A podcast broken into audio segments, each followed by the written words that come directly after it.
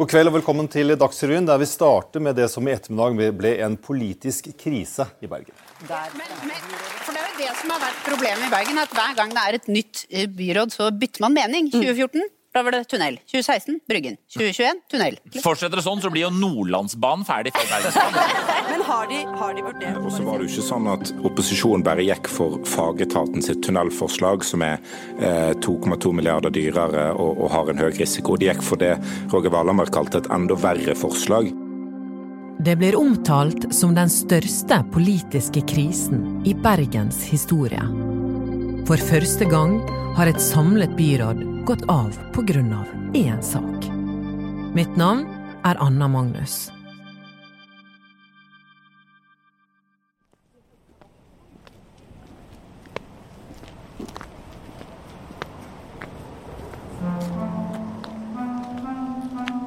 Jeg er på vei bort til Rådhusplassen i iskaldt bergensvær. Jeg skal treffe en kollega, Linda Hilland. Hun er politisk journalist i BT og allerede på plass. Hun har på seg lue, votter og et varmt skjerf. Det kommer frostrøyk ut av munnen hennes når hun snakker. Nå står vi på Rådhusplassen, bak den grønne døren i magistratbygningen. Så befinner ordfører eh, Rune Bakervik seg. Og akkurat hva han gjør på nå, det vet jeg ikke. Men han har jo hatt mange møter med de forskjellige gruppelederne i partiene. For å prøve å finne ut av hvordan han skal løse dette, og hvem han skal peke på som skal bli den nye byrådslederen i Bergen. Hva skjer nå? Nå skal jeg drikke litt kaffe, og så skal jeg banke på og se om vi kan få ordfører Bakkavik ut på trammen. Hvordan havnet vi her, egentlig? En by uten styring. Dette er Roger Valhammer fra Arbeiderpartiet.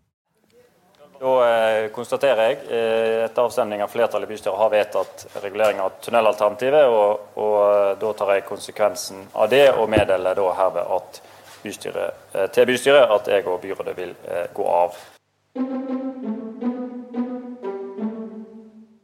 24. november vedtok byrådet i Bergen å legge Bybanen mot Åsane i tunnel med én stemmes overvekt. 34 var for, og 33 var imot. Valhammer og byrådet, som for litt over en uke siden besto av Arbeiderpartiet, Kristelig Folkeparti, Miljøpartiet De Grønne og Venstre, så på tunnelen som såpass uansvarlig å bygge at de valgte å gå. Spørsmålet nå er hvem skal styre byen? Det er jo veldig viktig det, for saken det Valhammer sa etter vedtaket var et faktum, at det er ikke sånn at han bare kommer til å gå på igjen som byrådsleder når, når eller hvis Høyre feiler og danner byråd. Han nekter faktisk å, å, gå inn igjen som byrådsleder så lenge bystyret står på den løsningen. Og Da er det jo Høyre og Rødt og Folkeaksjonen etter med bompenger, Frp, en del uavhengige representanter og et splitta Senterparti som skal finansiere Bybanen til Åsane med denne tunnelen, og for så vidt danne flertall for bybudsjett. og Rødt og Høyre ikke, har ikke for vane å samarbeide om eiendomsskatt og private innslag i velferden, for å si det sånn. Så jeg tror det blir vanskelig. Kan jo bli. Akkurat nå kan alt skje. Som BT-kommentator Morten Myksvold påpekte her, ett av tunnelpartiene må snu hvis Roger Valhammer skal gå på igjen. Det ser ikke ut til å skje med det første, men noen må jo styre byen. Flere spår at det kan bli Høyres Harald Viktor Hove, som stemte for tunnel. Og han vil samarbeide med KrF og Venstre, akkurat sånn som sjefen hans, Erna Solberg, gjorde i den forrige regjeringen. Men her i Bergen så snus det på hodet. Her vil nemlig ikke KrF og Venstre samarbeide med Høyre for de er grundig uenige om hvor Bybanen skal gå. De eneste ledige partiene for Høyre å samarbeide med da, er Folkeaksjonen Nei til mer bompenger, Frp og De uavhengige. Og når det kommer til bybanesaken, kan de også samarbeide med Senterpartiet og Rødt. Men byrådet må bli enig om mange flere saker enn bare Bybanen. Harald Viktor Hove kan ende opp med å lede et byråd som er i mindretall. Og det kan bli et problem. Men som sagt, i Bergen kan alt skje. Jeg spør kollega Linda om hvor lenge hun tror byen kan tåle å være uten styring. Det er jo en veldig merkelig situasjon når vi har noe som heter forretningsministerium. Som eh, Det er på en måte byrådet, men de har ikke, har ikke samme fullmaktene som, som, de har til vanlig. Så det eh, I hvert fall mener de at det er begrenset hva de kan gjøre.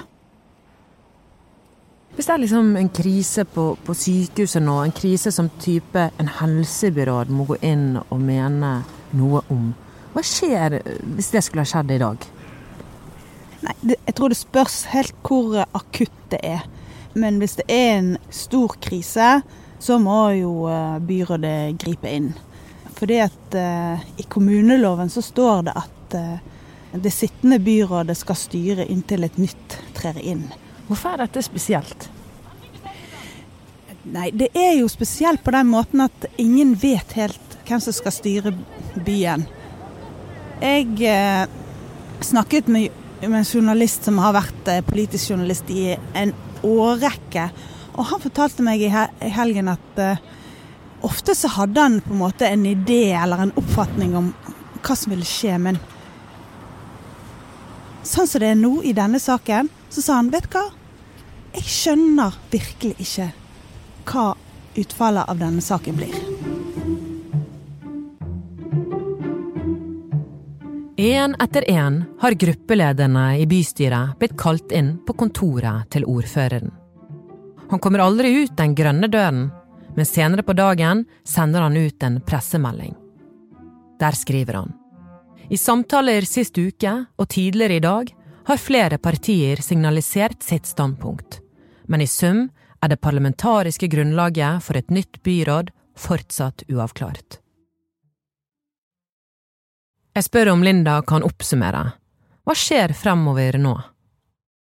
Det som har skjedd nå, er at ordfører Rune Bakervik han har utsatt etableringen av et nytt byråd.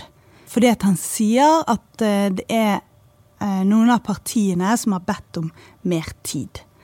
Men vi har ringt rundt til alle partiene som peker på Roger Valhammer, og ingen av de sier at de har bedt om mer tid. Så da lurer vi på altså hvorfor peker han ikke på Roger Valhammer og ber han stable et nytt byråd på beina? Det var to av fem representanter fra Senterpartiet som ba om mer tid.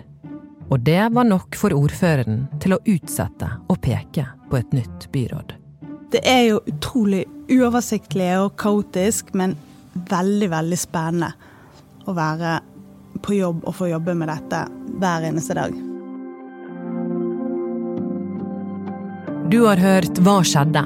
En podkast fra Bergens Tidende. Denne episoden er laget av Anna Offstad, Arve Stigen og meg, Anna Magnus.